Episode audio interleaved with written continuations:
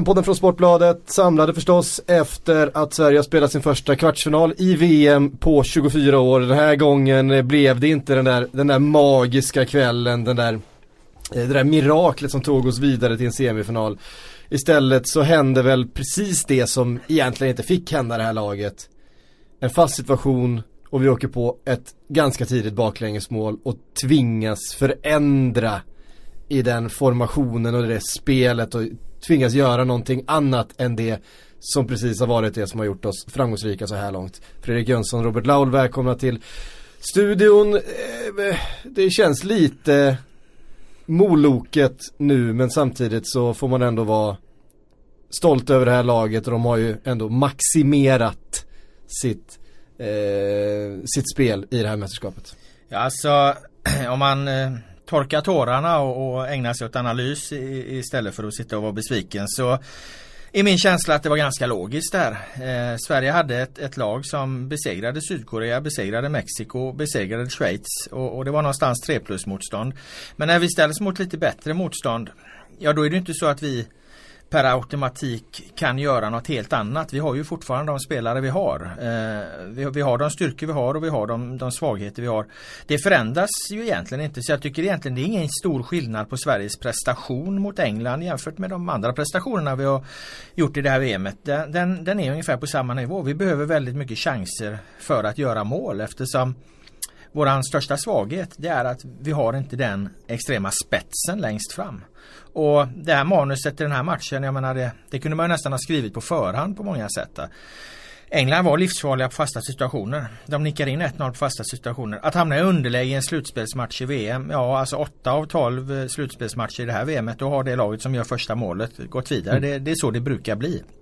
Och det var en större risk att England skulle göra det, det, det, första målet eftersom de är ett mer offensivt och ett skickligare lag helt enkelt. Så att jag har svårt liksom att vare sig ta fram någon stor såg eller man skulle gjort si eller så. Ibland får man helt enkelt titta på att vad, vad är realistiskt. Nio mm. gånger av tio vinner England den här matchen. I den tionde matchen då, då, då halkar Harry Maguire i början när han ska göra ett uppspel istället för att han nickar in en boll efter en halvtimme och Toivonen och Berg utnyttjar att han halkar och, och så gör Sverige 1-0 och så kan vi bevaka det. Men det händer den tionde gången. Mm. Ni, nio andra gånger vinner England. Och domaren vinkar när Marcus Berg är inne igenom. Han var ju onside. Ja, det, det är ju sån där, den, den, typen, den typen av små detaljer som man ju måste ha på sin sida. Eh, När Raheem Sterling däremot är en och en halv meter offside. Då ja. låter han spelet gå några sekunder till. Man tycker att låt Berg springa klart, skjuta i så fall. Mm. Kolla på ert jävla VAR efteråt. Mm. Men det är liksom, eh, det spelar ingen roll, jag håller med Laul här. Det var liksom från start kände man att energin och orken och kunnandet var inte riktigt där just den dagen. Eh, och sen så har man liksom läst om eh, efterhand om eh, felbyten och den här förbannade tröttsamma eh, respektlösa diskussionen om att hade vi haft Zlatan på plan och det ena med det andra eh, som folk också håller på med på sociala medier vilket jag eh, tycker är otacksamt och respektlöst mot det lag som har varit där som har visat varför gå in i den diskussionen igen. Men, men det man känner är att okej okay, vi har liksom brock, brottats ner i Italien på vägen fram, eh, Frankrike, Holland, eh, vi var väldigt nära med Tyskland också men då hade vi dagar dagar då spelarna var på en extremt hög nivå. Deras absolut högsta nivå. Då kan man i enskilda matcher eh, göra det riktigt, riktigt bra. Nu kändes det som att eh, känslan var lite att det var liksom ett starkt Premier League-lag som åkte på en bortamatch och gjorde det de skulle för de som kollar på, kollar på PL. Och Sverige hade liksom inte energi eller kunnandet att ta ner dem. De gjorde det de var bra på och de gjorde det jävligt bra.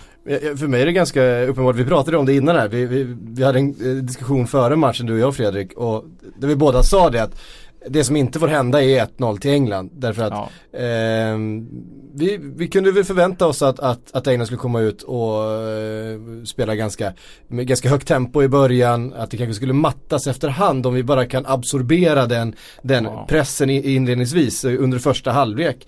Eh, så fanns det, där fanns chanser. För att det Sverige har, det spelet som vi har, det har inte varit någon hemlighet. Det har sett likadant ut hela tiden. Det har varit ramstarkt, det har varit försvarstryggt och det, det har liksom på något sätt varit väldigt målsnålt. Och sen har vi försökt då göra någonting på de chanserna som vi eh, lite sådär slumpmässigt lyckas skaka fram. Eh, det har ju varit ganska få vi hade ju ett väldigt fint eh, anfall i och för sig just i den här matchen där, där Pickford gör en, en magisk räddning. Ja, men, men, det är ju inte ett lag som är byggt för att spela på flera olika sätt. Vi har inte en massa olika verktyg i, i, i lådan med det här laget. Vi har, vi har ett sätt att spela på det funkar och det kan ta oss ganska långt och få i matchbilden dit vi vill. Vilket innebär att vi inte släpper in några mål. Framförallt inledningsvis, ja men då kan vi rubba nästan vem som helst nu får de göra 1-0 och det, de är väldigt starka på det och det är inte så mycket att säga om. Det, det händer. Och, ja. och, och då finns det inte ja. så mycket annat. Men jag vet inte fan, jag håller inte riktigt med där Jönsson om att prestationen, att det är så stor skillnad på den här prestationen och uh, tidigare prestationer. Jag hävdar ju att... Ja, det var energin jag var inne på. Ja, men att, att energi, ja, jag vet inte. Jag tror nog att det är mer motståndet som är skillnaden. Alltså, möt, om man tar Sydkorea, Mexiko och, och Schweiz kan man säga att någonstans det är 3 plus motstånd i ett fotbolls-VM. Mm. Sydkorea kanske till och med 2 plus motstånd. Jag vet inte. Och, och, men, men Tyskland när de fungerar och i den matchen är ju ett eh, 4 plus motstånd. England är också ett 4 plus motstånd. Ska du vinna mot de lagen då måste du ha något mer. Och det finns inte i Sverige. Jag, eh, jag, tror inte att det egentligen spelar så stor roll vad, vad, vad, vad Sverige gör. Möter man ett bättre lag så kommer man förlora eh, 9 av 10 i alla fall eller 8 av 10 mot ett bättre lag. För det, det är någonstans så fotbollen fungerar. Det är de här undantagen eh, som ibland inträffar som man, man möjligen kan hänga upp sig på. Men, men jag tror inte, jag, jag ser inte att det är så stor skillnad i prestationen spelare för spelare. Det är några det är klart att det, det, blir lite avgörande eller påverkar i alla fall att, att Lustig är borta. För att Emil ja. Kraft kommer ju fel på eh, hörnan och Emil Kraft är fel även på andra målet. Där. Nu spelade ju andra målet ingen roll eftersom Sverige Nej. inte gjorde något. Men, men det, sitter, det är inte lika automatiserat hos Emil Kraft exakt vad han ska göra på fasta Nej. situationer. Vad han ska göra i de här inläggslägena som det är hos Lustig. Och det är trupper som går långt i VM. Det är inte startelvor. Sverige får stora problem när vi, när vi tappar en ordinarie eh, pjäs i den här back, i, i fyrbackslinjen. Där kan man möjligtvis hitta någon form av liksom förklaring. Så, men, men annars så, så, så är, är, det här en, det är ett logiskt resultat. Eh, Ja, det håller jag med om. Jag, tycker, alltså, jag menar inte att prestationen var dålig. Jag tycker det finns spelare i svenska laget som är jättebra i, igår. I, i Robin och i Viktor och, mm. och, och, sådär. Men sen kände man någonstans direkt, ni vet här när vi gick in till Tyskland. Okej okay, att de hade jävligt mycket boll i minuterna men vi skapade ändå målchanser. Vi gör ju inte det idag. Vi har en, eller igår, vi hade en touch i, i offensivt straffområde i första halvlek. En touch mm. och det var Marcus Berg. Sen hade vi inte mer. Jag hörde Ola Toivonen prata om det efteråt och vi går liksom in i halvtid säger han med 0-1 i ryggen och vi har inte haft en enda målchans. Och går man in i det läget så är det jobbigt sa han. Det är liksom riktigt, riktigt jobbigt. Mm. Sen kommer de ut och får det här jätte det här fina läget, eller Marcus Berg skapar ju ändå det läget. Han kommer ju mm. upp bra och nickar. Sen är det Pickford ja. som gör en, gör en, do, eh, en bra räddning. Och jag, alltså Marcus har missat mycket innan men att såga honom för att han inte gör mål där tycker jag är jävligt hårt. Det är en bra prestation. Och sen har vi, eh, sen är det han som lägger upp den också fint för Viktor Claesson som ändå mm. avslutar i rätt hörn. Det är klart du kan dunka upp den i nättaket men det kräver ändå rätt mycket. Så vi skapar ju ändå målchanser. Ja för där. sen har ju Berg en tredje också när ja, han tar emot och, och skjuter Så det där. finns ju målchanser. Och den tycker liksom... jag nog han ska trycka in, eh, trycka, kunna trycka. Ja, ja trycka ner den istället. Eh, så att jag säger det, Sverige har tre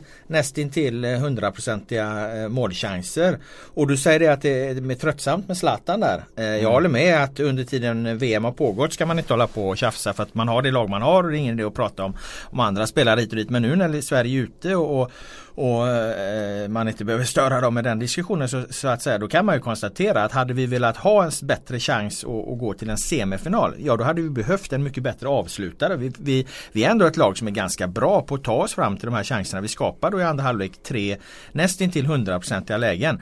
Zlatan hade möjligen satt två av dem. Och, och, och, och, jag menar, och sen kan du säga att äh, men, eh, det var inte värt att ha med Zlatan för att det var värt att gå, gå till kvartsfinal. Bara. Man kan, jag tycker inte man kan sitta hemma och gnälla nu och säga att fan Zlatan skulle inte varit med men vi skulle ändå gått vidare. Nej men så funkar det inte fotbollen. Vill man gå riktigt långt i VM då måste man plocka med liksom den absolut bästa spelaren, den absolut största spetsen som finns med alla konsekvenser det då innebär. Och, och det tycker jag mycket väl man nu faktiskt kan diskutera. Borde han varit med eller inte? Jag tycker att han skulle varit med. Jag tror att Sverige hade, hade mycket väl kunnat vara i semifinal idag med Zlatan på planen. Jag tror aldrig vi hade gjort de prestationerna med honom på planen. Eh, alltså jag tror inte det för att det lagbygget är byggt som det är. Eh, och jag tror inte att det hade funkat på samma sätt med honom. Det är jag helt säker Det är ungefär Att säga så är för mig som att okej okay, om Isak Kiese hade haft nickläget som Marcus Berg hade haft för att han kanske är längre så hade han nickat in bollen. Ungefär den logiken lägger jag i att man sätter in Zlatan. För då ska man lägga in honom i allt det defensiva arbetet i alla andra matcher.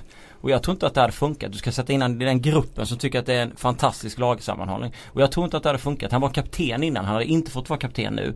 Och så vidare. Och han har fått sitta på bänken och han snor redan uppmärksamhet utanför. Varje gång vi spelar en match så är han alltid ute. Så jag, Men tror du, inte, tror du inte att en stark och bra ledare med det förtroendekapitalet någonstans Janne hade byggt upp att han eh, ett samtal mellan fyra ögon, han och Zlatan hade kunnat lägga det på en nivå då, då Zlatan eh, anpassat sig. Jag tror inte Zlatan är så jävla eh, korkad på, på det sättet liksom så att han inte skulle kunna acceptera det ifall han ser att fan här är en, en, en bra och stark och tydlig och stabil ledare. Är det något Zlatan uppskattar så är det ju tydligt jävla ledarskap.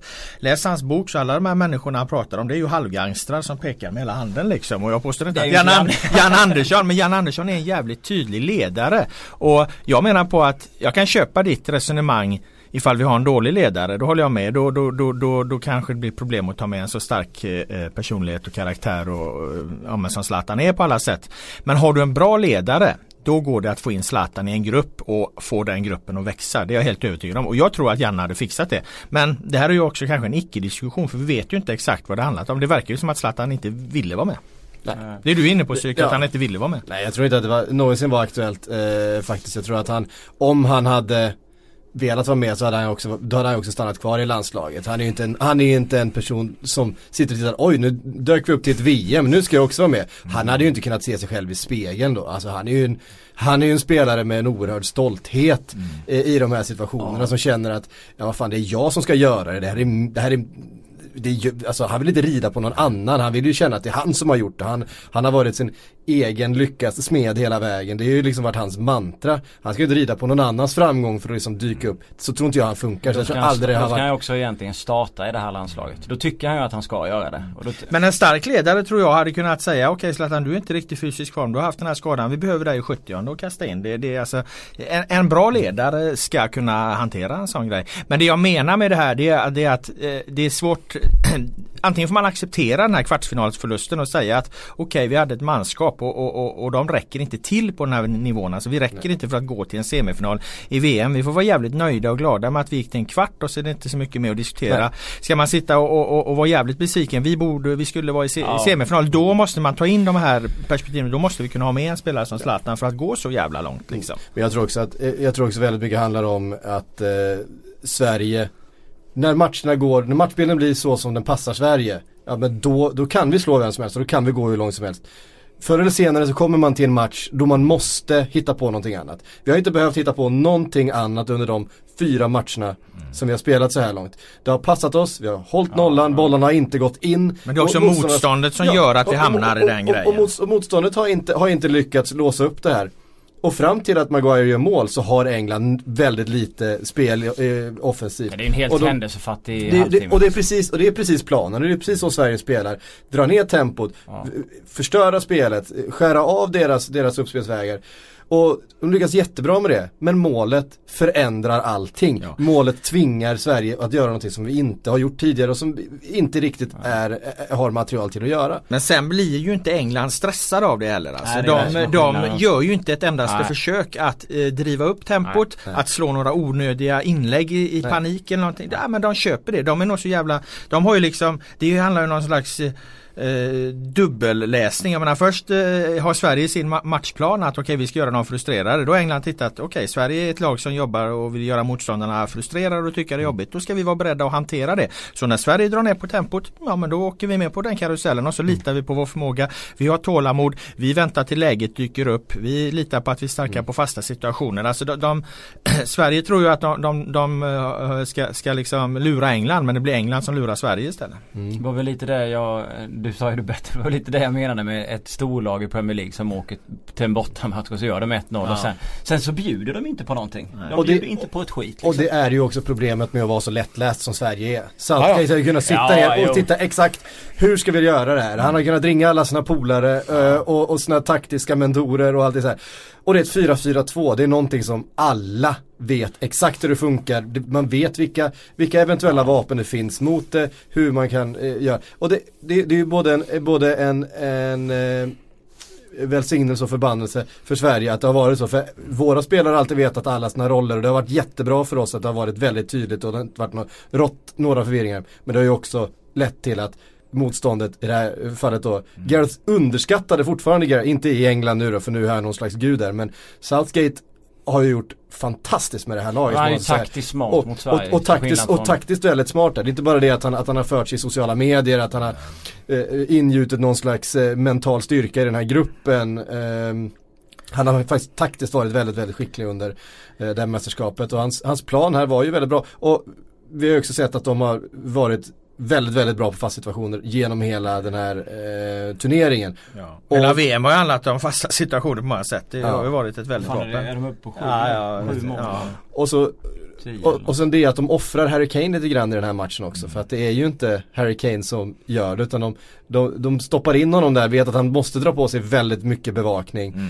Eh, och sen kommer istället ytorna på andra sätt. Så att han, eh, han offrar Harry Kane lite grann och det är ju rätt medvetet. Mm. Jag menar hade, de, hade han sett Harry Kane som den personen som skulle lösa upp det, ja, då hade du sett ett annat spel från Ja då från, hade från du regnat in inlägg på ett ja, annat sätt ja, och det gör det Och det är det, alltså fotboll eh, handlar ju mycket mer om förberedelser än om tillfälligheter egentligen och just den här förberedelsen att vara beredda på att Sverige kommer att dra ner tempot och inte bli stressade av det mm. utan antagligen liksom har de ägnat sin eh, gameplan åt att prata om att det är så här bilden, matchbilden mm. kommer bli och här har vi tålamod liksom. Vi väntar till rätt tillfälle dyker upp, då sätter vi in eh, förr eller senare. Tyskland i gruppspelet till exempel, de gav ju oss 1-0. Ja. Vi, fick ju, vi fick ju ställa om på dem. Mm. England, de gjorde ju inte det. Mm. Och det är väl det som är skillnaden här på många storlag. Att han har, han har verkligen det taktiska. Han vet vad han ska göra. Om man tittar på vissa lag som har åkt ut istället. Spanien valde fel taktik mot Ryssland. Eh, de borde gått framåt mycket, mycket mer. Mm. Tyskland hade inte heller sitt. Och sen är det, är det ju en del övermod i vissa stornationer och så. Men jag tycker England är briljant alltså av Southgate. Och jag håller verkligen med om att jag, alltså jag tycker ju att Janne och kompani har överträffat det jag förväntade mig av det här VM. Ja, så det är verkligen med flaggan i, i topp som de lämnade. Även om det är mm. jävligt tråkigt som svensk. Jo, men jag menar alltså det är återigen det är trupper som går långt. Ja. Vad, vad, avslutar vi den här matchen med? Vi har Granqvist och Pontus Jansson på topp typ. Alltså vi, har, vi jobbar med två mittbackar som, ja. som, som jagar eh, vår, vår sista forcering. Och det beror inte på att, att det egentligen i grunden är felaktiga byten. Utan Nej. det beror på att vi har inte så jävla mycket bättre. Och, och, det har vi varit medvetna om och det var inte så många. Jag tycker inte att det är sensationellt att Sverige går till en kvartsfinal sett, sett till hur det här motståndet eh, föll ut. Jag menar att gå vidare ur gruppen, ja det var absolut ingen omöjlighet. Nej. Vi skulle vinna mot Sydkorea, torska mot Tyskland, avgörande match mot Mexiko, den vann vi och sen Schweiz, ja det är överkomligt. Det var, vi, när man tittade på det på förhand så tänkte ju många att vi skulle få brassarna i, i, i åttondelen och det hade ju, hade ju förstås inte gått då. Men nu blev det Schweiz så att, att Sverige hamnar i, i kvartsfinal det är, det, är liksom, det är också ganska logiskt och att vi åker ut det är också ganska logiskt. Ibland är fotbollen logisk, ibland fungerar den så som, som, som mm. den någonstans ska göra sett till vilka kvaliteter som finns på pappret och så här. Sen finns ju den här kritiken kvar då och det är, väl, det är väl den enda som jag egentligen kan ställa upp på. Det var ju inför VM faktiskt. Det är varför tar man inte ut en mer irrationell spelare i Ken Sema eh, utan väljer att plocka med en Magnus Rodén. Eh, Marcus Rodén. Mar Marcus Rodén. Ja, nu är det, nu är det mycket.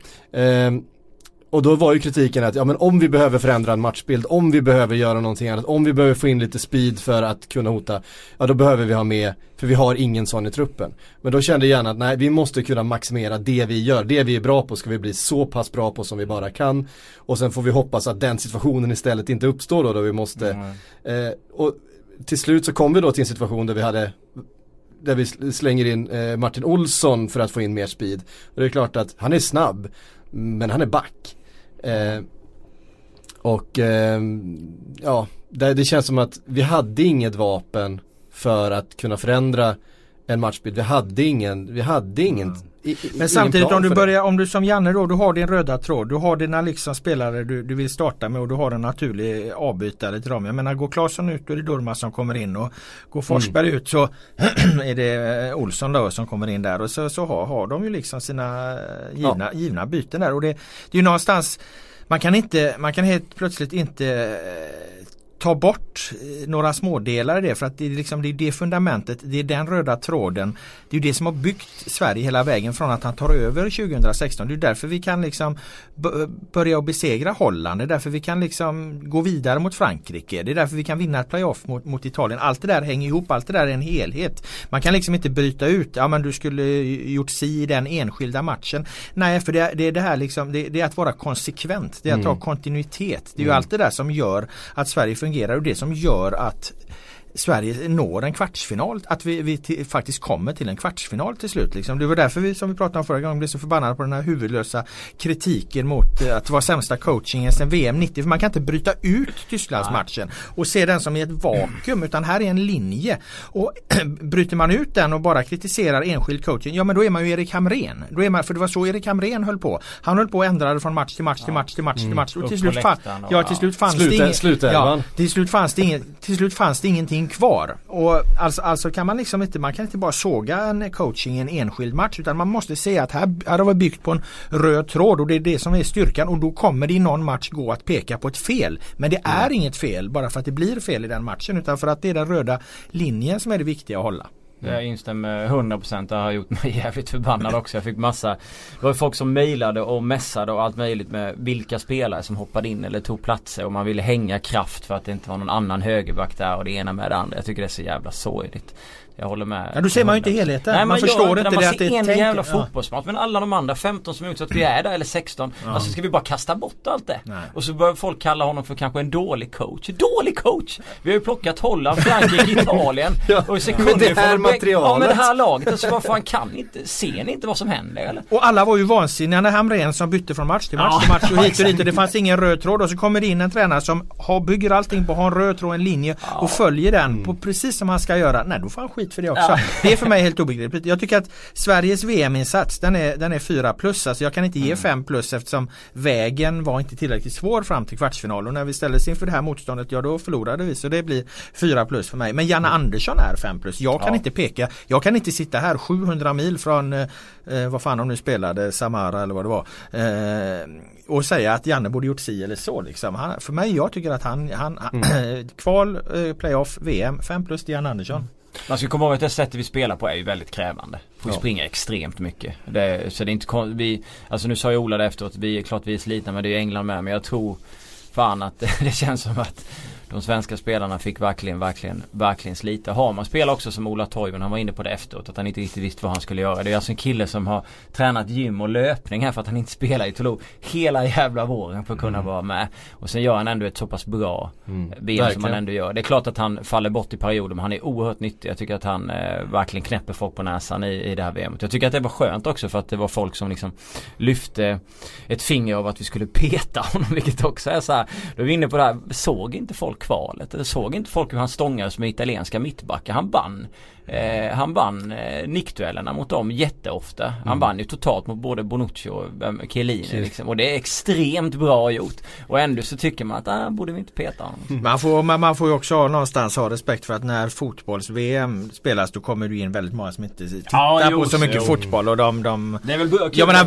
ja visst absolut det är ju jätteroligt och man ska ju liksom inte sitta här på någon hög häst och, och döma allt det men, men eh, jag vänder mig väl mer mot journalister och så här som ändå följer det här slaviskt då som, en, som har liknande åsikt som folk i stugorna. Det gör mig ju förvånad. Liksom. Ja det var faktiskt TV4 de ville peta eh, Ola Toivonen ja, ja men det, det, det, är ju det var konstigt. jag kände bara, vad är det som händer? De ska ju ha koll liksom. Ja. Sen att folk i stugorna liksom har teorier det, det är väl en sak. Jag menar de följer ju inte lika noggrant som vi gör.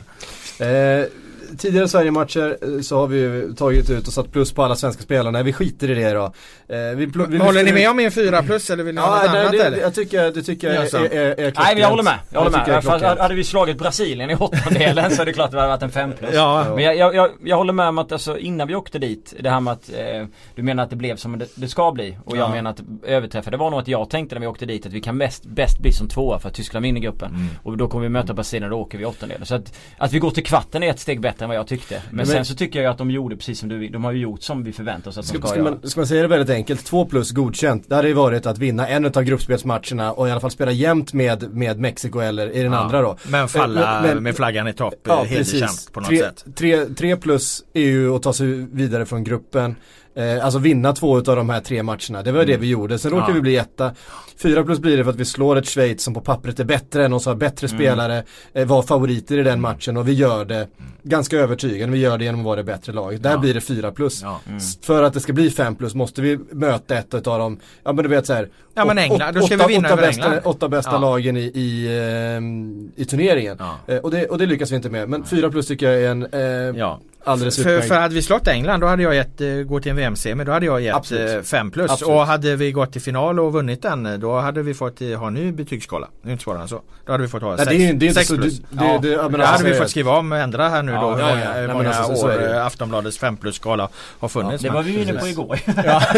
men nej men alltså kolla VM 94 då, då vi gick ett steg till. Hur många mål gör Kenneth Andersson? Han har ingen fem. Hur många gör Dahlin? Han gör väl ja. fyra. Alltså ja. det är en jävla skillnad på det anfallsparet och det är ju det som är hela skillnaden. Att där har vi ett, ett anfallspar som levererar på världsklass. Nu har vi anfallare. Den ene lirar inte alls den andra lirar i Förenade Arabemiraten. De har ändå gjort det förbannat bra tillsammans ja. men det är vad vi får. Men jag tänkte ändå vi skulle lyfta ut några individuella eh, prestationer ur den här matchen. Negativa och, som positiva. Eh, vi, vi tror vi fokuserar på de positiva ja.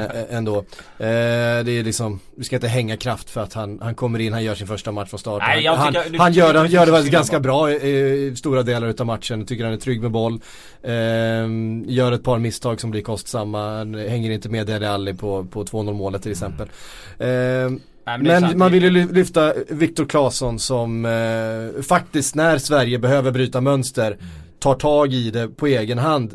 Han skapar ju i mångt och mycket det här anfallet som, nästa, som man nästan skjuter in själv. En över, överstegsfint, tar in bollen i planen, visar upp eh, tempo med boll eh, ja, och har gjort ett jättefint Du saknar ju Ken Sema där att man har någon som bryter det här mönstret. Mm. Men, men, grejen är att Viktor Claesson gör ju det i den här matchen. Han, han är, ju, det, han är ju den spelaren som faktiskt bryter ja. mönster och han gör det. Han är väl, han är väl bäst eh, svensk i, mot England. Han är inte bäst på plan för det är väl Pickford eh, får man väl ändå säga efter ja, de tre kanonräddningarna. Men, men eh, eh Claesson är väl bäste mm. svensk. Ja. Ekdal möjligen. Robin Olsson. Ja, Eller Olsson. Bra, men jag tyckte, ja. ja. Han gör ett par jättefina. Det är svårt att, ja, ja. Jag, jag, tycker inte, alltså Lindelöf är också bra men det är svårt när man släpper två. och mm. lyfta en, eh, men det är klart. Ja, men Lindelöf har ju sin uppgift, han måste hålla koll på Harry Kane. Mm. Eh, och det gör han ju ja, jättebra. Det jättebra och, det, och det är ju någonstans, och England vet att han kommer göra det. Alltså det, det, det, de tar ut varandra på något sätt där. Men han gör det förstås superbra. Eh, men Claesson har också varit bra över hela mästerskapet. Jag tycker att han har varit en jättepositiv injektion. Ja, verkligen. Eh, alltså han fixar straffar och har spelat fram till möjligheter. Det enda mm. felet var ju att han inte sköt mot Tyskland. Det är nog det enda felbeslutet. Det borde han ha gjort istället. Det borde han, verkligen han var lite väl kylig. Det är i och för sig skönt att se men det ska bli väldigt kul att se var han hamnar för någonstans. Det vore kul om man kunde flytta lite närmare. ja, en liga som man kunde titta ja. på. Eh, lite lättare. Men menar du betyg över mästerskapet? Nej jag tänker faktiskt i den här matchen, prestationerna ja, under, under den här matchen. kan man ju titta på hur de har gjort i mästerskapet annars så. Alltså, någonstans så är väl det ihop. Ja, Lindelöf och Granqvist det tycker jag är, ska ha 5 plus eh, mm. för, för den här turneringen. Lindelöf för, för att han har i princip har varit eh, felfri förutom att han halkade i början mot Schweiz. Men det fick ju inga större konsekvenser. Annars har han ju inte gjort ett misstag när han varit med och, och Granen eh, som ju kliver upp och, och, drar in två jävligt viktiga straffar utöver ett, ett eh, väldigt eh, solitt mittbackspel. Så att våra mittbackar är väl någonstans 5 plus. Våra centrala innermittfältare tycker jag är, är 4 plus. Och eh, våra anfallare är väl 3 plus. Yttrarna är väl också någonstans 3 plus och ytterbackarna är någonstans mellan 3 och 4 plus. Och Robin Olsson är väl, eh, han har inte haft jävla mycket att göra Robin Olsson men han får väl ha en eh, stark 3 eller en 4 möjligen efter och sista matchen. 4 till 5 på honom ändå så jag tycker att han har Robin? Gjort, ja. Han gör det ju. Han har inte jävla mycket att göra. Men backlinjen funkar så han pass bra. Inga, måste, man, måste väga, man måste ju väga in ja. det du sa själv ja, det är sant. Det är samarbetet alltså, där men det är så jävla svårt att betygsätta. Ja, det, är, det är ju bara liksom något som Men de är väldigt trygga med varandra. Ja, de funkar ju jätte, hans, jättebra. hans utrustning på Sterlings eh, första ja. friläge är ju fantastiskt bra. Han, han, mm. eh, att han når den bollen och att han läser den. Mm. Att han kommer runda honom där. Han kommer ut så pass stort så att han inte kan avsluta för han, eh, han vill ju gärna runda Sterling. Det tror jag att, eh, att Olsen också är inläst på. Att kommer om det är någon som kommer fri så är det Sterling som är supersnabb. Ja. Eh, han vet också att han är inte världens bästa avslutare, han kommer vilja runda. Men så här, ska han ha fem? Ska Robin Olsson ha fem? Nu, nu vet jag vad det är jag tänker på. Ska han ha fem då ska han ta eh, Då ska han ju ta Delalis nick där för att han nickar ju två meter från målet i helt han precis, läge. Men han, nickar ju precis ja, vid hans händer liksom. Men fyra får han. Och, och, och, ja han får en fyra. Men ska han ha femma så ska han ta den. Då ska Fram han liksom till det så har han nog fan fem. då ska han göra en galen räddning. Nu, nu spelar det ju ingen roll eftersom Sverige inte gjorde något mål men jag jag, inbillar mig att det är en viss mental skillnad att ligga under med 1-0 och 2-0. Ja. 2-0 är så förbannat mycket mer jobbigt att jaga än, än ja. att jaga 1-0 liksom. Mm. Du, du 1-0 då, då får du den här desperationen på ett naturligare sätt för du vet att det är så förbannat nära liksom. Mm. Får Sverige 2-1 i det läget förändrar allting men, men nu, hade, nu betyder det där målet 2-0 liksom. Jag tror att det får en mental effekt på matchen. Just det där 5 plus mittbacken så jävla ironi att, att, eh, att, att, eh, att Granqvist ska hem och spela superettan nu. Ja. Han har varit 5 plus i ett VM. liksom.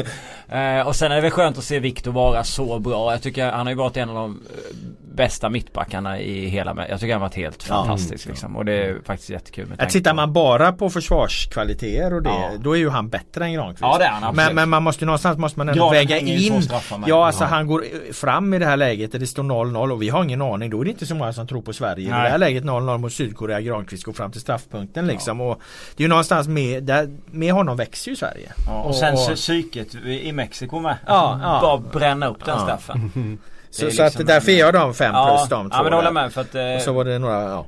Sen är ju Vigge, han är ju bra eh, att sätta fart också med bollen och sådär. Sen mm. vill man ju ha honom ännu mer givetvis. Men mm. det har ju också att göra med de här uppspelen som vi ändrade lite. Och det, det, vi har inte, alltså, han har inte jättemycket löpningar att slå sina fina bollar på. Det ska gudarna veta. Ehm. Men jag tycker jag håller med om eh, betygssättningen. Eh, där är vi överens. Vi höjde ju Robin också så då... Ja, ja, han får väl en fyra. Sen, sen inhopparna vet jag inte om vi ska betygsätta ens. Pontus Jansson, vad fan för betyg? Ja Jansson för sin match, han var ju väldigt bra men eh, ja. Sen vet jag inte Christer Thelin och John ingen... Guidetti, de, har ju, de liksom sticker inte ut när de kommer in. Nej men återigen alltså det är trupper som går långt och det startar som imponerar enskilda matcher och, och hade vi haft en trupp då hade ju många av de här inhopparna satt en jävla press på, ja. på, på de som startar och det har de egentligen inte gjort så det har inte blivit den konkurrenssituationen utan det har ju varit, laget har ju varit givet. Ja. Det har ju inte varit någon stor kamp om att dra loss startelvan eh, för journalisterna som har följt det för att det har ju varit givet varenda jävla gång. Matti fick ju de här eh, enorma ytorna mot Schweiz så hans eh, inhopp får väl ses som godkänt ändå men annars har det inte varit så mycket att hängas. Nej. Eh, vi, måste väl, vi har ju nämnt Pickford ett par gånger här men han gör ju tre hyfsade ja. räddningar får man säga. Det är ju, det är ju Eh, helt matchavgörande att han, att han tar dem. Jag vet att jag har kritiserat Pickford en del i andra poddsammanhang och jag får, har fått höra det ganska mycket i sociala medier de senaste dagarna när han har gjort Du har ändå inte sågat han lika mycket som Men David vill... Moberg Karlsson gjorde i den här omtalade offside-intervjun som tydligen ska, ska vara något uh, utöver det vanliga. Ja, den, den, den tycker jag ni ska kolla upp i offside för den var för jävla rolig. Nej, jag är, men han har ju alltid varit, just, just det här som han har varit så bra på i, både mot Colombia och här, att uh, på linjen och reaktions snabb att ta de här bollarna. Eh, min kritik mot honom har alltid varit att den är kort. Mm. Att jag generellt sett har svårt för korta målvakter. Det är en slö kritik, det inte det? är jävligt slö kritik. Men man får ju vara, man får ju vara, man får ju vara en kappvändare. Jag glömmer aldrig när Robert Laul, eh, han satt i sista avsnittet av Allsvenska podden innan han skulle dra iväg till, till USA och så sa han att han ville ha tillbaka ordet kappvändare i svensk press. Så man får vara kappvändare. Ja men jag är lite kappvändare här för att ja. han har ju, han har ju varit eh, magnifik i det här mästerskapet. Ja, så han har ju växt också i rätt ja. läge. Han, han, han, han räddar viktiga straffar, han är uppe och plockar bollar i krysset. Han tar, gör tre superräddningar mot Sverige för, som, helt som helt och hållet gör att det här blir en behaglig resa för England. Mm. Mm. Det är ju de tre räddningarna som gör att England aldrig behöver liksom ha puls egentligen. Nej, nej. I, det är ingen nerv i det. Men, eh, och han är ju, han har ju en pondus va? För han skäller ju på de här eh, framför honom. Något så in i helvete när det är något han inte är nöjd med. Mm. Jävlar vad han gapar på. Där är han ju en, en eh, klassisk eh, mentalpatientsmålvakt. Så som en, en, som en bra, bra målvakt ska vara enligt ja, legenden. Stå, ja, bara stå och vråla. Ja. ja. Ja, vi lämnar då Sverige, England och Sveriges eh, spel i detta världsmästerskap. Men vad, ska vi inte bara eh, kort, vad England, vad, vad tror vi där då? Ja, men, alltså de, vi, vi, vi, tar det senare. Vi, vi okay. det. Vi För de dödar ju spöke efter spöke, nu underskattar de inte ens Sverige ja. längre och straffarna och allting här alltså. Jag tänkte vi skulle prata lite grann om Kroatien, Ryssland och sen ja. så får vi bara komma med en förutspåelse då inför den Just semifinalen. Bra. Ehm, rent personligen, det jag tar med mig från den här matchen Smolovs punkterade Panenka i början på straffläggningen. Åh oh, herregud vilket beslut att fatta. Alltså en Panenka som är så dålig så att en sittande målvakt tar den med ena handen. Det är, det är på något sätt det är det absolut sämsta du kan göra från, en straff, från straffpunkten i det läget. Jag älskar det. Tänk då på att han inför det här redan är eh, typ Rysslands mest avskydda människa. Ja, och han går fram ändå och har eh, modet där, där och, och chippa. Där, där, pratar vi psyke alltså. Ja men det är just det här mentala spelet. Man tänker så här, när han, de, de ska liksom ta hemma-VM och han är den, han är den som de bygger laget kring. Han får en katastrofstart i VM, försvinner ut och blir avskydd. Och du ska slå en straff och du gör det. Du tar det horribla beslut. Varför inte göra det enkelt? Det är väl men det man ska jag, göra. Men jag, jag är helt övertygad om vad som har hänt här. Han har ju bestämt sig så långt innan. Alltså ska jag slå en straff i en straffläggning eh, här. Då, så, jag, sett, jag ska slå en Panenka, ingen kommer förvänta sig det. Då, liksom så här, jag ska bara bygga upp mig själv. Han har suttit hemma när, när han inte har känt den här eh, pressen på plats. Så här, det är klart jag sätter den, det är klart jag sätter den. Och sen när han väl står där så är det gummiben liksom. Han, han, han, har bestämt sig så liksom. långt tidigare så han kan inte ändra sig när han väl kliver fram. Men situationen gör att det bara inte går. Det är det här som är så fantastiskt med straffläggning. Att det får fotbollsspelare att, att, att, glömma bort hur man spelar fotboll. Jag älskar det. Ja det är så oerhört korkat att inte ta ett enkelt beslut. Ni vet bredsidan till höger eller, eller eventuellt bara gå på en jävla brist. Det är det här som är grejen med straffläggningen. Jo det är det. Du älskar ju straffar. Ja. Ja, jag tycker jag, nej, jag vet fan, jag lider med honom. Jag, alltså, ja, ja, det, jag har för mycket empati för att det är stenhårt. Ja, jag tyckte det, det, det ja, Han mår ju lite dåligt när man ser det. Ja, alltså vet man också om att han redan liksom har det lite halvjobbigt då. Men, men den är inte dåligt klass också att jo, det händer? Jo, jo, jo. jo. Alltså, det är ju en bra saga ifall han är avskydd och så chippar han in den och så vinner de. Ja. Men eh, ja, det, de skulle göra en, en staty av, av Fejevs räddning mot Spanien. De gör en staty av Smålands miss istället. de står bredvid varandra. ja, den är, det hade blivit en mer klassisk staty. Hjälten och dåren. I en, eh, det här blev ju då avslutningen som Kroatien vann på straffar. Eh, Fernandes missade ju också, det också en, en bedrövlig straff. Han, han drar en halv meter utanför stolpen. Det ser man när han tar bollen. Han rycker åt sig bollen. Han vill inte vara där. Han avskyr att vara där. Och så går han fram och så tar han i för kung och fosterland och så får han en felträff som går utanför. Nej. Men honom kan man inte hänga för det är hans förtjänst att de överhuvudtaget ja, är den där straffläggningen. Hans straff är sämre än, äh, än Kroatiens markeringsspel när han får nicka in bollen. Alltså, ja. Ändå markeringsspelet när han får nicka in bollen är ju Alltså det var helt Oh, alltså det stod inte någon i närheten. Men de har, alltså Det märks ju med den intensiteten som många lag spelar, även Kroatien, att när det går upp Eh, Den här andra kvarten i, i, eh, i förlängningen. Vi såg det i Englands match mot Colombia, det var liksom varannan spelare på planen halt, de kunde inte gå liksom. Nej. Alltså Mandzukic i slutet här. Jag tror det sista avblåsningen var så här, han gick inte ens ut på planen. Han, han bara gick av, nu skiter jag i det här. Jag kan inte, jag kan inte springa mer. De hade inga, inga byten kvar. De, jag, kan inte, jag kan inte springa mer. Så han, han, han, tog två steg och så ställde han sig utanför planen. Alltså, Men Subasic fejkade han sin baksida? Därför att han eh, där när han fick så jävla ont i baksidan. Jag menar går baksidan ja. så går ju baksidan. Ja, då, kan du inte gå, då kan du inte gå. Sen kommer de in och ger han lite massage och sen så, rörde han sig fritt igen. Var det kramp bara? Ja det kan men, ja, men kramp, då var det ju då var det tillägg kvar. Ja. Sex och sen ska han spela 30 och sen stå. Då ja. visar man väl men, lite. Men, men sen han hade ju inga... Ja, men de hade inga byten kvar. Jo men de får göra ett extra. De hade ju fått byta ett till i förlängning. De hade kunnat byta han i förlängning men de gör ju inte det. Nej. Han gör ju verkligen en överdriven Karlgren i U21-EM. När Karlgren sitter ner jättelänge så här gör han ju där liksom. Han, det var ju, ja, jag tyckte också det var konstigt. Det var helt... Ja, jag trodde att han är körd alltså. För att det brukar ju vara om det är baksidan Det såg ut som han hade svinont. Ja, liksom. jag tänkte att nu, nu gick den. Men då var det väl som du säger. Sen gjorde han det ju igen. För han gjorde ett upphopp där eh, senare och eh, höll på att fumla med bollen och, och, landade. Och sen så låg han och vred sig igen och tog så samma. Jag vet inte, för han hade kanske någon känning men han spelade ju uppenbarligen över för att eh, han eh, såg ju pigg och fin ut till straffläggningen. Bra eh, straffmålis.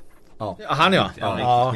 ja det får man ju tänka på att han tog ju tre mot Danmark ja. och det är klart att ryssarna vet det. Jag menar när, ja. när han, eh, vad heter han, Hernandez där eh, går fram och, och darrar som ett asplöv så vet han ju att det är ingen dålig målvakt han skjuter mot. Det är två riktigt eh, dåliga straffar de missar Ryssland. Ja, alltså. ja, Mm. Men alltså det är ju sån enorm press med. De står där och skriker Russia på, på läktaren när du ska spela. Du har ju spelat i två timmar och det är match nummer fem i ett VM. Man känner också lite för, för Fernandes som har en, också en väldigt speciell historia. Han har hamnat i, i Ryssland och sådär. Oh. Han har ju också en, en, eh, en lång historia av depression och mm.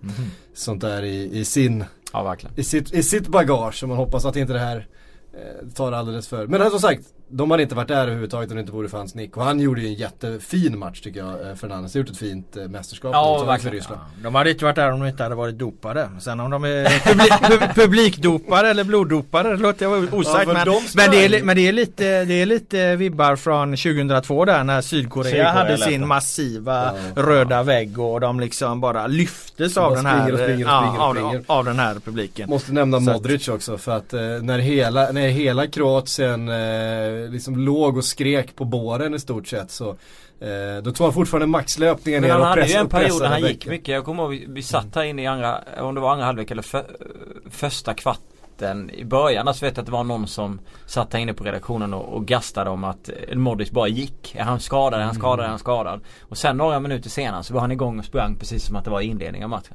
Ja, men han, eh, han förtjänar ju verkligen en semifinal. Han, han är ju en sån spelare som man har svårt att, ja. svårt att inte eh, Eh, tycka om väldigt, väldigt mycket. Så att eh, det är verkligen en spelare jag är glad att ha fått gå långt och, och kroaterna var ju trevliga i gruppspelet också så att de förtjänar ju ändå att, att vara där de är tycker jag. Ja. Men jag tycker Modric är en av världens bästa eh, fotbollsspelare och att det märks så tydligt vad det gör när du har en, en eh, ett sånt geni centralt som kan liksom styra spelet och får alla runt omkring. Hans passningsspel ger ju alla liksom den där lilla halvsekunden mer betänketid för att han slår den så bra, han slår den så rätt. De behöver liksom inte eh, fundera så mycket. De behöver liksom löpa i sina ytor och bollen kommer hela tiden perfekt till dem. Ja. Eh, det görs oerhört mycket för alla runt omkring. Mm. Ja. Rakitic eh, iskall eh, på femte ja, där alltså. Helvete ja. vad säker han är. Ja. Drar den på exakt samma ställe dessutom. Men han verkar nästan som att han ser att målvakten går, går han, gör, han alltså. gör precis likadant ja. va, som, i, som i första straffläggningen där mot Danmark va? Ja jag sa det, han slår ju den på exakt samma ställe liksom. Då är ju, men då är ju, då är ju Schmeichel är ju nära att nå den då. Här går han ju åt fel håll, ja. ryske keepern Akinfejev.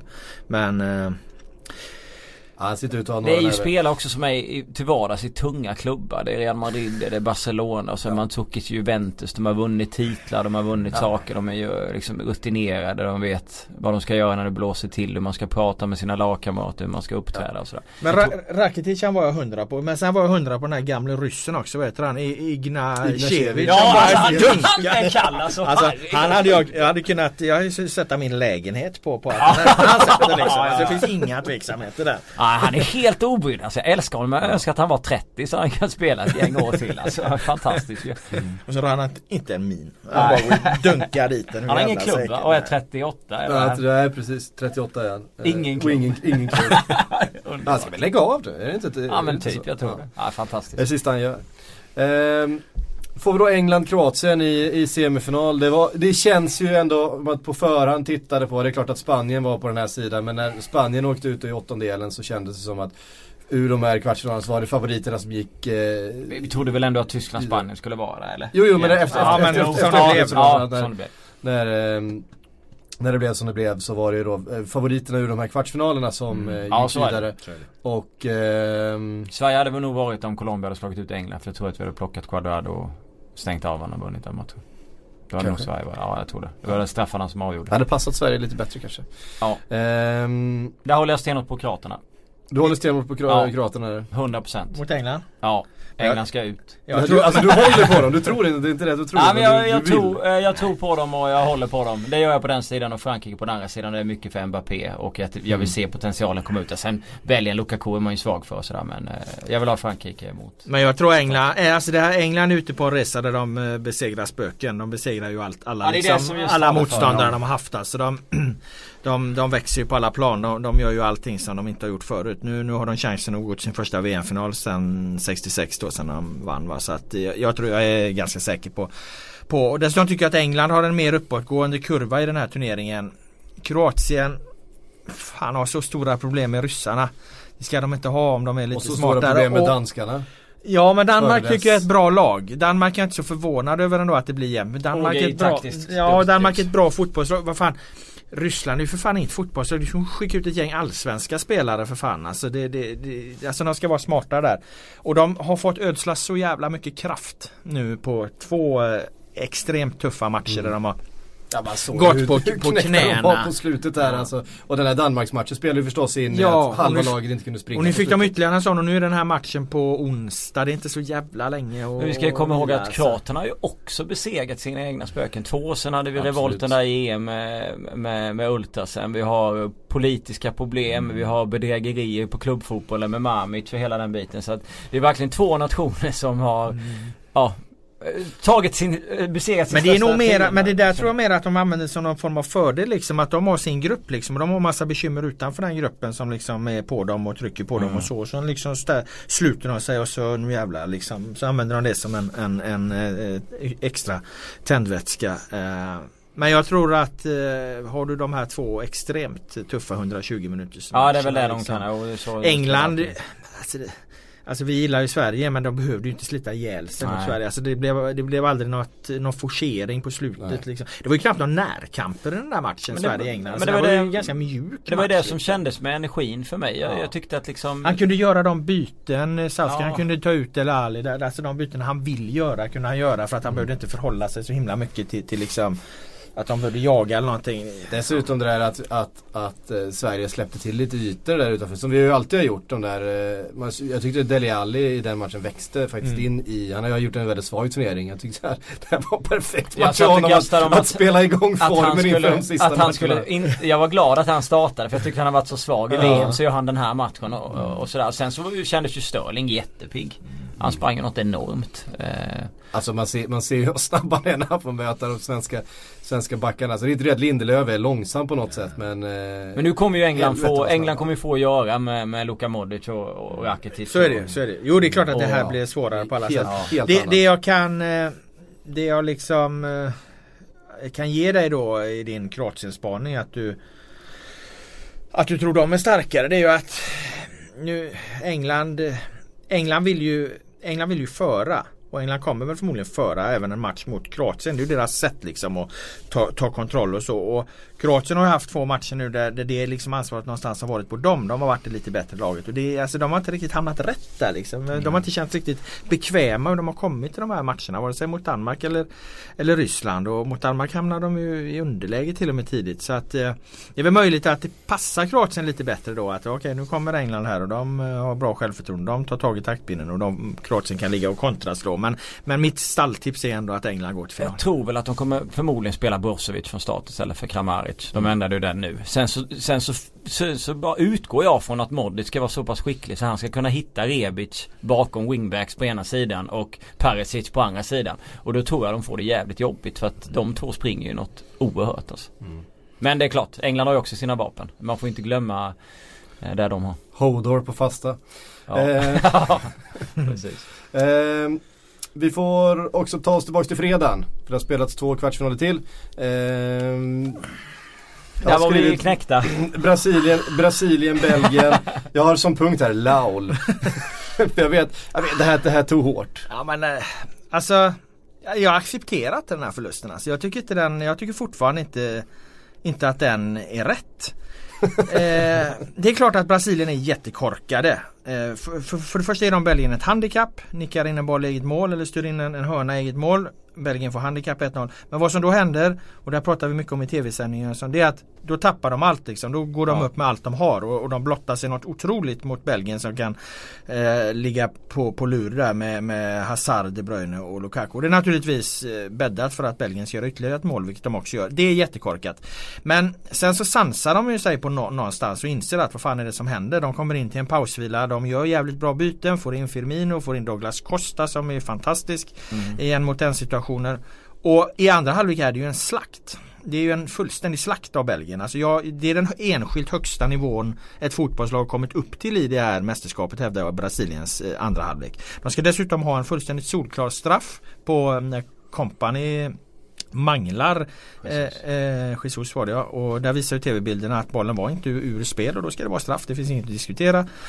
Eh, och alla chanser på detta och det enda egentligen som, som gör att det här inte då blir eh, oavgjort till slut är ju då att de inte får de här straffarna och att Courtois spelar otroligt fint målvaktsspel. Det, det är väl någonstans den prestationen man kan lyfta fram i Belgien. Men ställt mot varandra om du ska ta fram en, en värdig vinnare i den här matchen. Nej, jag accepterar inte att Belgien, Belgien är ingen värdig vinnare. Det här ska i alla fall bli 2-2 och sen får de göra upp i 30 minuter till. Och så får vi se som vem som är bäst och då är jag övertygad om att brassarna hade varit det. Så det här var en fruktansvärd förlust alltså. Det var, fan får gå tillbaka till 86 alltså när, när eh, Frankrike skickade ut eh, Brasilien på straffar för, för, för att uppleva. För att det här var värre än 2014 när Brasilien förlorade med 7-1 mot, mot Tyskland. För då var det så, då fanns det inte i närheten. Det var redan borta, det var förlorat förlorat och förbi. Tyskland var ju så ja, jävla Tyskland bra. Var, ja det är bara att acceptera och lyfta ja. på hatten. Tyskland ni, ni, ni 20 resor bättre. Ni förnedrade oss något fullständigt. Fine.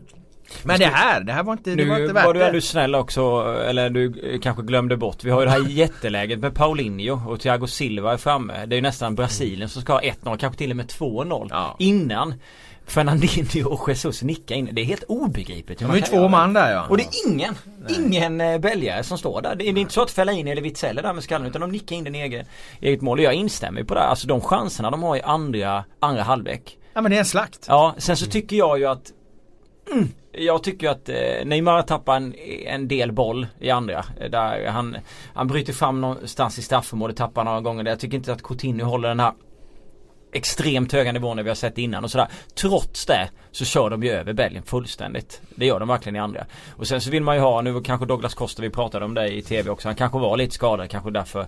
Mm. Men han borde ju startat i den matchen när man ser till vad han kan. När han står där i slutet, det är ju 90 90, vad är det, när Neymar skjuter, den är 90-91. Jag älskar den. Det är den, det är den bilden jag har kvar. Han står framför så han har två belgare. Den ena inbytt och den andra en försvarare. Och han tvekar inte att utmana dem och de hamnar axel mot axel. Han bara trycker bort honom och serverar Neymar. Det är där man vill se från Brasilien. Från typ mycket, mycket tidigare. Jag men, men, men jag, jag tänker alltså de möter ju någonstans Belgien och att starta då med William som gjort det bra mot Mexiko och man tänker väl sig någonstans ett Belgien som kommer anfalla och stå upp och att det inte ska jo. bli det här. Det är ju matchbilden och, och målen som som faller som gör att vi får ett extremt lågt Belgien och att det blir den mm. matchbilden som passar Costa. Så att, ja, det var väl okej okay, liksom. Jag tror han hade kunnat vara rätt bra Ja det hade han Men William var ju jävligt bra mot Mexiko. Ja, men sen var han ju tillbaka. Nu fick de ju spela med 10 man igen då. Nio med Jesus. Ja exakt va. Men tog ja, ju... alltså att, att, att Tiche äh, har hållit kvar vid Gabriel Jesus äh, under hela det här mästerskapet trots att han egentligen aldrig har inte lyckats med nästan någonting. Mm.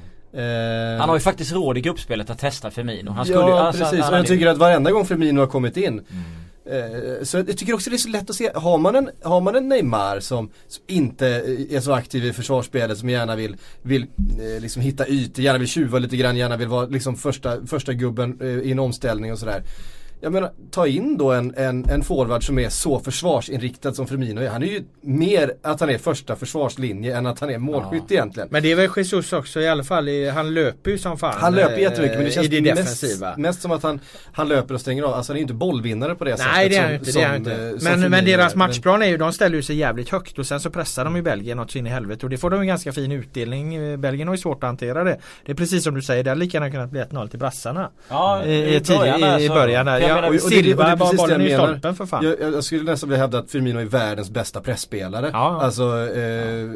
som forward. Och, och det tycker det är konstigt. Men, men där har han visat eh, Tichy, alltså det är den här kritiken. Ja. Det är precis samma som man har mot Jan Andersson. Han har ju varit konsekvent med, med eh, Gabriel Jesus under hela kvalet. Men han har andra alternativ än vad Janne har. Han har, lite, han har lite andra alternativ. det är sant. Det är sant. Men, men, men han har varit konstigt. Det är samma med, med Paulinho. Han tog in honom fastän att Paulinho var och spelade i Kina och man undrar vad fan. Ja, han, han, han, det har varit min gubbe i landslaget, det har funkat, eh, det är så här jag vill spela, jag vill ha den här spelartypen på plan.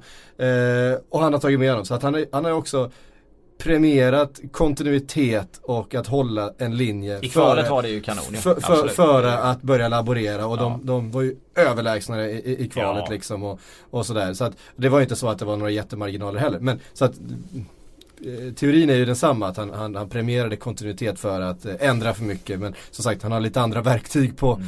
i, i verktygslådan att, att använda sig av. Men det, är, alltså det är ju, har man, de behöver ju bara lite, lite flyt. Så får de med den matchen till, till förlängning utan tvekan. Eller så gör de 1 och 2-0 i början. 1-0 mot Belgien med tanke på hur de såg ut när Japan gjorde 1-0 precis innan, innan de eh, liksom kom tillbaka in i den matchen. Så hade de ju förmodligen bara blåst över Belgien kan jag tänka mig med, om de hade fått det med sig. Eh, och ser man till Renato Augusto, han gör ett jättebra mål, han nickar in det men sen kommer han Alltså helt i slottet och han Fan, missar, kan man missa mål. mål där? Det är, som, det är ju lika alltså. sopig jävla straff som Fernandes gjorde i Ryssland. Han skjuter liksom utanför. Mm. Och sen Coutinho har ju ett jätteläge. Och sen mm. straffen. Jag håller med. Även om bollen nu hade varit ute så spelar det ingen roll för kompanist eh, tackling är så jävla dålig så han måste ju straffas för den ja. skiten han gör i straffområdet. Nej, du kan ju inte kasta det med dobbarna före så. Och komma alltså. undan. Och det var de dessutom de här jävla kamerorna som jag i och för sig tycker de borde avveckla men, men det är inte ens det. Om man nu har dem, hur kan inte de uppfatta det? det nej, nej det, är, det är fullständigt ju... Alltså. Skulle vi avveckla dem nu skulle diskussionen vara att ta tillbaka när något nytt händer. Man blir så jävla trött. Man kan inte bara sköta det. Om ni har det, sköt det. Men det finns ju ett utbrett eh, eh hat mot Neymar. Det har man ju förstått här nu liksom. det gillar inte jag. Mästerskap. Nej det tycker jag är fullständigt bedrövligt. Och det är möjligt att det påverkar domarna här då. Att nej men de ska fan inte ja. få, få någonting. Jag menar det, fan, det kändes ju ett tag som att Belgien hade kunnat skjuta ner brassarna med pilbåge. Det hade inte blivit, det hade inte blivit något ändå liksom. Och de kanske är irriterade då på att Neymar eh, rullar och håller på men nej jag håller med. Jag, jag, alltså om man liksom sitter hemma framför sin TV och blir så jävla arg så att man kokar och är helt vansinnig för att en fotbollsspelare överdriver lite när en annan jävla spelare ställer sig och trampar honom på fötterna. Eller med tanke på alla de här hårda smällarna eh, Neymar får. Om man liksom har det perspektivet, perspektivet att man blir så mycket mer arg för, för eh, en förstärkning än för en hård eh, tackling. Då ska man nog titta sig liksom i spegeln och fundera ja. på var, varför, varför blir jag så arg över det här? Och försöka analysera, försöka sätta sig in i situationen för de här liksom snabba dribblande spelarna. Hur de far omkring på planen, hur mycket stryk de får i alla matcher matcher och, och att det, det, faktiskt känns att få de här jävla tacklingarna. Nu, nu det är inte samma kanske fula tacklingar för honom här i Europa men det är ändå fula tjuvnyp från alla möjliga spelare. Sen ska, har man tittat på brasilianska ligan där han kom fram i Santos och titta hur mycket stryk han fick som spelare. Och så kommer du liksom vidare i karriären. Det är klart att du också måste få kanske hjälpa till lite ibland. Jag har full förståelse för att han gör det. Bara för inte markera mot de fula grejerna. Mm. Mm. Det är inte okej att en Mexa går fram och kliver på honom. Och sen kan jag också reagera. Jag kan också det överdrivet. Ja, ja. Nej men jag kan också reagera, till och med jag då, säger man vad fan res på det. Ja, jo, så kan jag också känna. Men sen är ju det förbi. Jag ja. sitter ju liksom inte, människor sitter ju hemma och brinner och, och, och ägnar sina liv åt att göra filmer på sociala medier eh, för, för det här. Vilket är ett helt obegripligt perspektiv. Men, det måste ju vara det brutala spelet man ska bli förbannad. För, för det kan ju skada människor. Att någon rullar några varv, det har väl ingen, det drabbar väl ingen. Det spelar nej. väl ingen roll. Det är väl ingen som blir lidande av det. Och för många som har kritiserat Neymar, de hade ju tyckt att det varit mer rimligt om han hade ställt sig upp och gjort likadant tillbaks. Om han hade gått rakt, ja, om, han, om han hade gått rakt in med ja, dobbarna ja. och, och, och, och hem, hämnats, alltså du ja. vet som ja. Um, Titta er i spegeln säger jag när ni blir så jävla upprörda och funderar på varför blir jag så upprörd över det här egentligen? Um, sådär, så att det, vilket ju är helt fel. Jag menar, det hade ju varit mycket värre. Men det tycker man, det tycker man på något sätt är att stå upp för sig själv och man ger igen lite grann och ehm, Men det är ju den här machokulturen som vi försöker... i, i Portugal till exempel som eh, Eh, nu kommer jag inte ihåg. Nej. Det var någon, det, det var någon hämndaktion man blev så här. så reagerar man ju också. Man kan ju reagera framför tvn när någon ramlar. Man ser att det inte är något så börjar de göra det här jävla vartecknet. Mm. Men det är ju precis som Lau. Det är inte så att man liksom lägger hela sitt liv på att hata den här människan sen. Men jag tror att det är den här machokulturen som vi brottas mot andra eh, delar i samhället. Det, det, ja, det, det ja, hänger ihop med det här liksom. Det, göra, det, ja, det, det, det, och dessutom tror jag, jag tror det också det är en lite åldersfråga. Jag tror de som blir allra, allra mest upprörda de, de, de, är en bit över 50 och, och, och, förbannade i största allmänhet. Liksom. De är jävligt arga på det här. Jag frågar lite yngre kids vad fan då, för de är ju liksom förstärkningar och så. Det är en del av spelet. Mm. De tycker att alla spelare ska se ut som Terry Butcher när de kliver över fotbollsplan. ehm, måste ändå hylla, hylla Belgien också som tar sig vidare. Jag, jag vet att jag vet att det är svårt att vissa här inne. Men eh, en Eden Hazard Eh, i en, så i en bra, halvlek, bra i en halvlek eh, och sen, och sen är han duktig i andra när han väl får bollen, tar emot den och ska vända runt. Antingen så går han förbi eller så fixar han en frispark. Ja, vilket hela tiden. är 100% av honom. Så han är ju han är fantastisk. Och sen är det ju det att, men, men jag tycker ändå att jag tycker att i första halvlek när Brasilien liksom går fram så ska Belgien vara så bra. Mm. Och utnyttja det läget. Hade de mm. inte gjort 2-0 med de ytorna så hade det ju varit katastrof kan jag tycka. För att mm. fan det ska man kunna göra. Om, om, om Brasilien öppnar upp sig och, och liksom eh, bjuder till ett jävla hav så ska Lukaku, Hazard och Kevin De Bruyne Men vad, vad, vad gör, vad gör Fernandinho i omställningen där? Han står som en han står som en kon på, på, på, mitten. Han står som en kon. Lukaku tar en liten vinkling eh, till vänster ja. och bara springer förbi honom. Han måste riva han ner måste, honom. Han måste ju bara ta ett gult ja, där. Ja. Det finns ju ingenting annat. Han, han, han, kliver ur den tacklingen. Casemiro hade ju kapat honom direkt. Alltså, jag kan ja, och det, nej, ja, Casemiro hade gjort utan tvekan. Han hade ju tagit ett gult där. Men, menar, han hade han, inte hamnat eh, på efterkälken. Han, hade står, han, står, han står på hälarna och tittar men på. Fernandinho är inblandad i alltså självmordet med så han har ju ingen rolig match. Nej.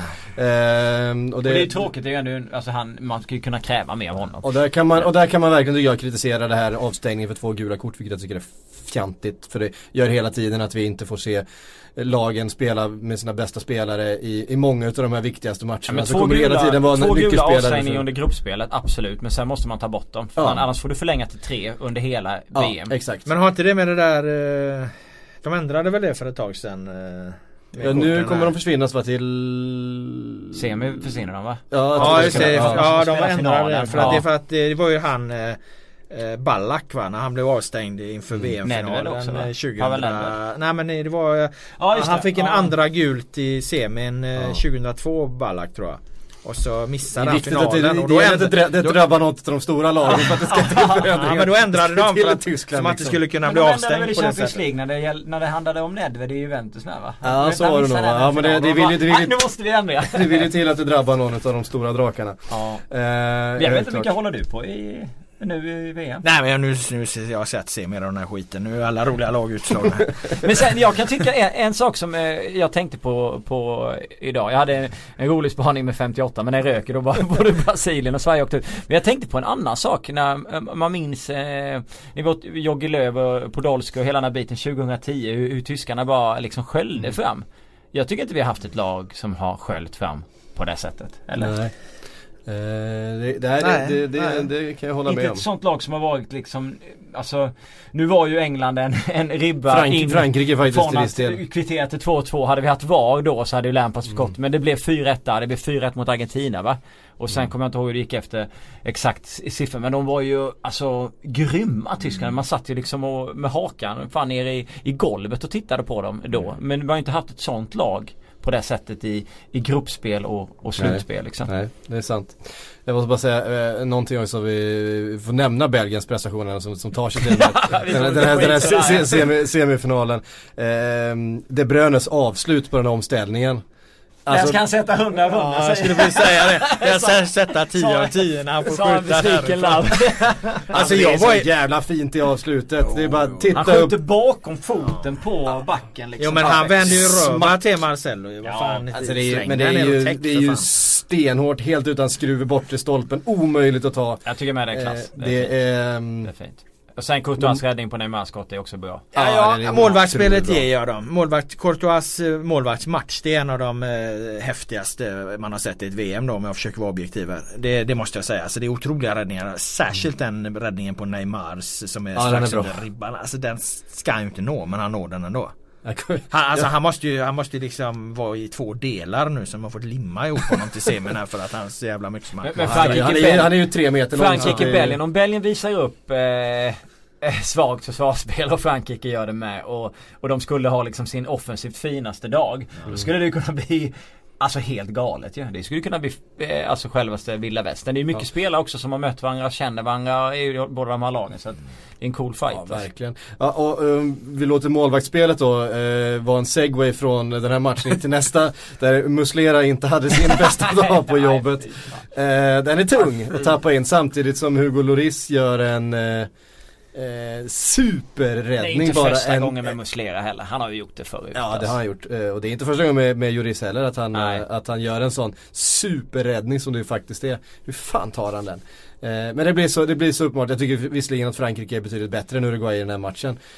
Ja. Men men Uruguay eh, överraskade tycker jag inledningsvis. Mm. De var uppe och skrämde och, och så vidare och, och räknar man in då att man hade haft en annan anfallare så tror jag att de kanske hade kunnat utnyttja ja. eh, lite mer. Men, ja de saknar ju Cavani där förstås. Frankrike tycker jag också, de gör ju det de ska göra. De bjuder inte på jättemycket och de liksom lugnar ner tempot när de behöver. De springer inte ihjäl sig.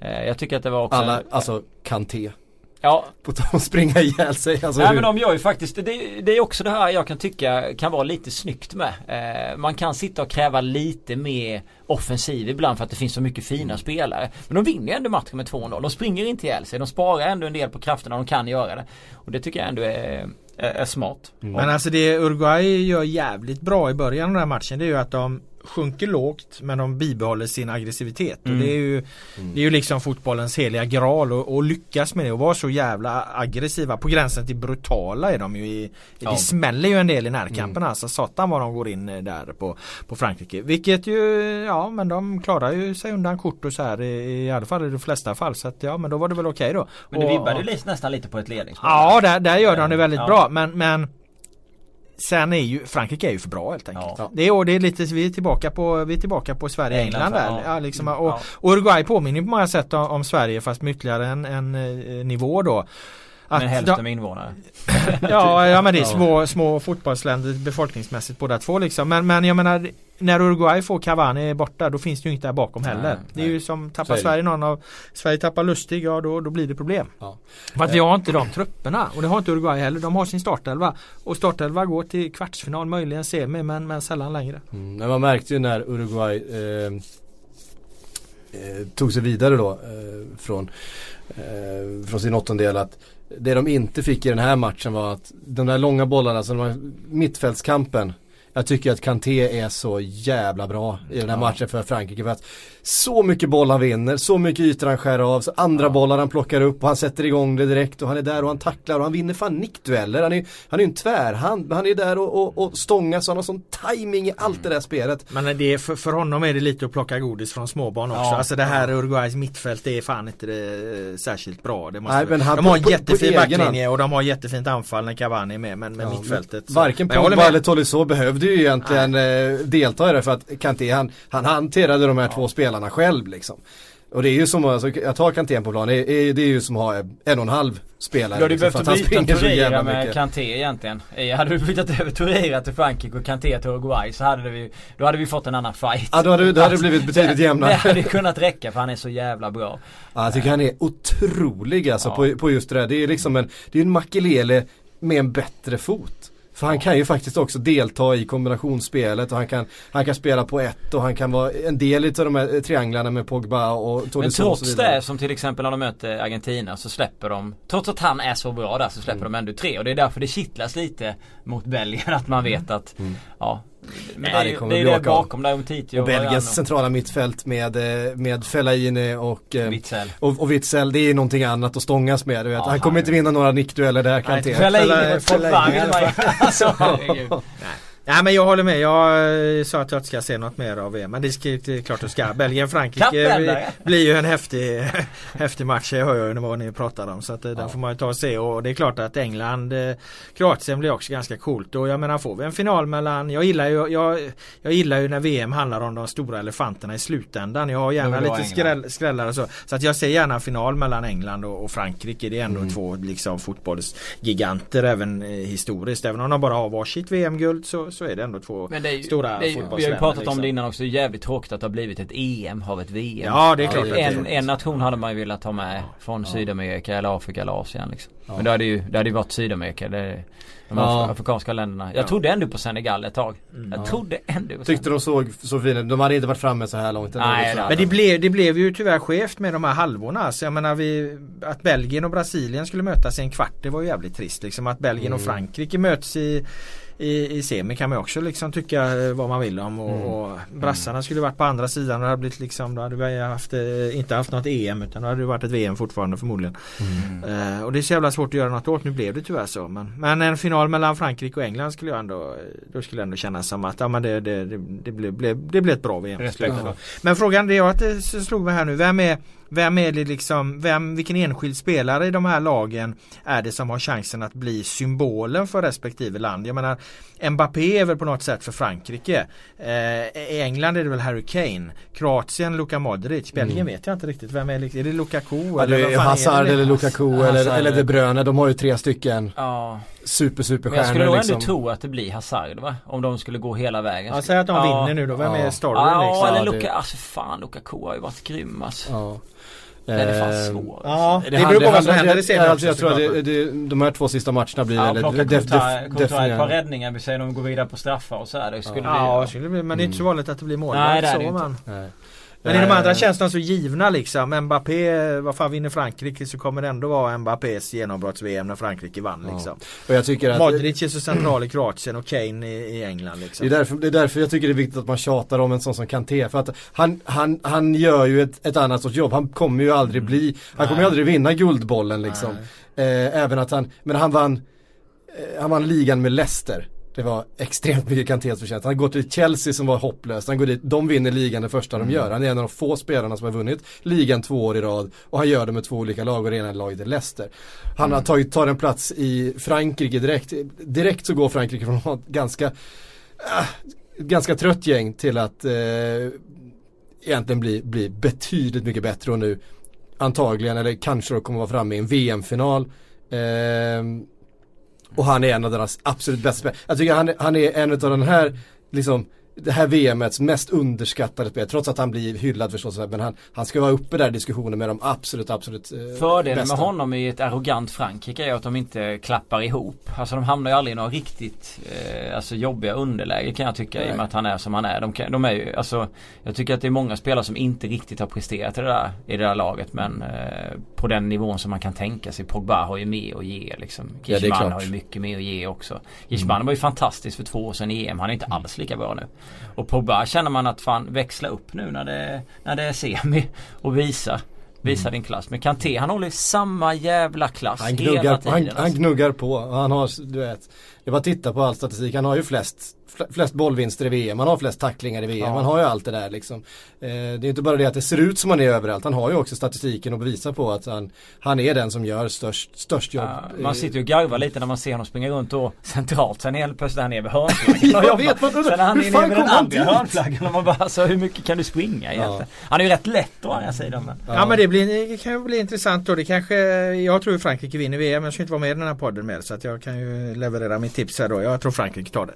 Mm. Uh, intressant att se om, de, om, om, om det blir Kanté som blir, blir ja, det sa, sagan då istället. Att vi, en, en total upprättelse för den hårt arbetande defensiva mittfältaren som aldrig mm. någonsin har vunnit ett pris eller utmärkelse i hela sitt liv. Det hade varit fint om, om, om det, det om fick bli storyn. Om Mbappé och Pogba skulle göra rätt svaga matcher så tror jag nästan att det kan bli han om de vinner. Men jag mm. menar med en sån som Pogba som syns för mycket annat. Mm. Hår, stil och hela den här biten. Det gör ju att om han nu skulle lysa i två matcher.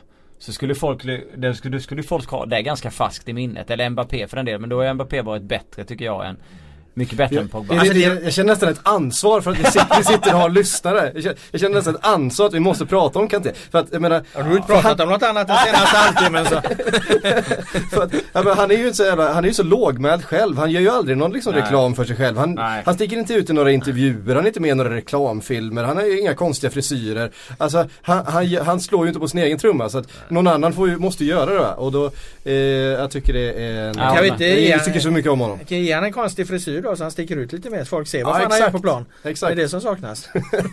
Ibland känns det som att man behöver det för att man ska vara med i, i världslag och man ska sådär. Nu har jag väl varit med i världslaget vid något tillfälle och sådär eh, tidigare tror jag. Men hur som helst. Eh, Belgien, Frankrike. Det är ju också eh, rent kulturellt eh, två länder som ligger väldigt nära varandra och förstås spelare som känner varandra och, och eh, det blir liksom ett, ett derby Ja, de är, de, många, många av dem spelar ju i samma liga. Ja och, de, och för många av de belgiska spelare som Hazard och så vidare har ju liksom också fostrats i Frankrike. Ja. Ehm, så att eh, ja det är, och många är franskspråkiga och, de känner mm. varandra och spelar i samma lag. Och, Fellaini och Pogba ska mötas, de är lagkamrater. Vi har eh, Hazard och Kanté som ska mötas och ja, ja det finns en rad spelare. Alltså. Mm.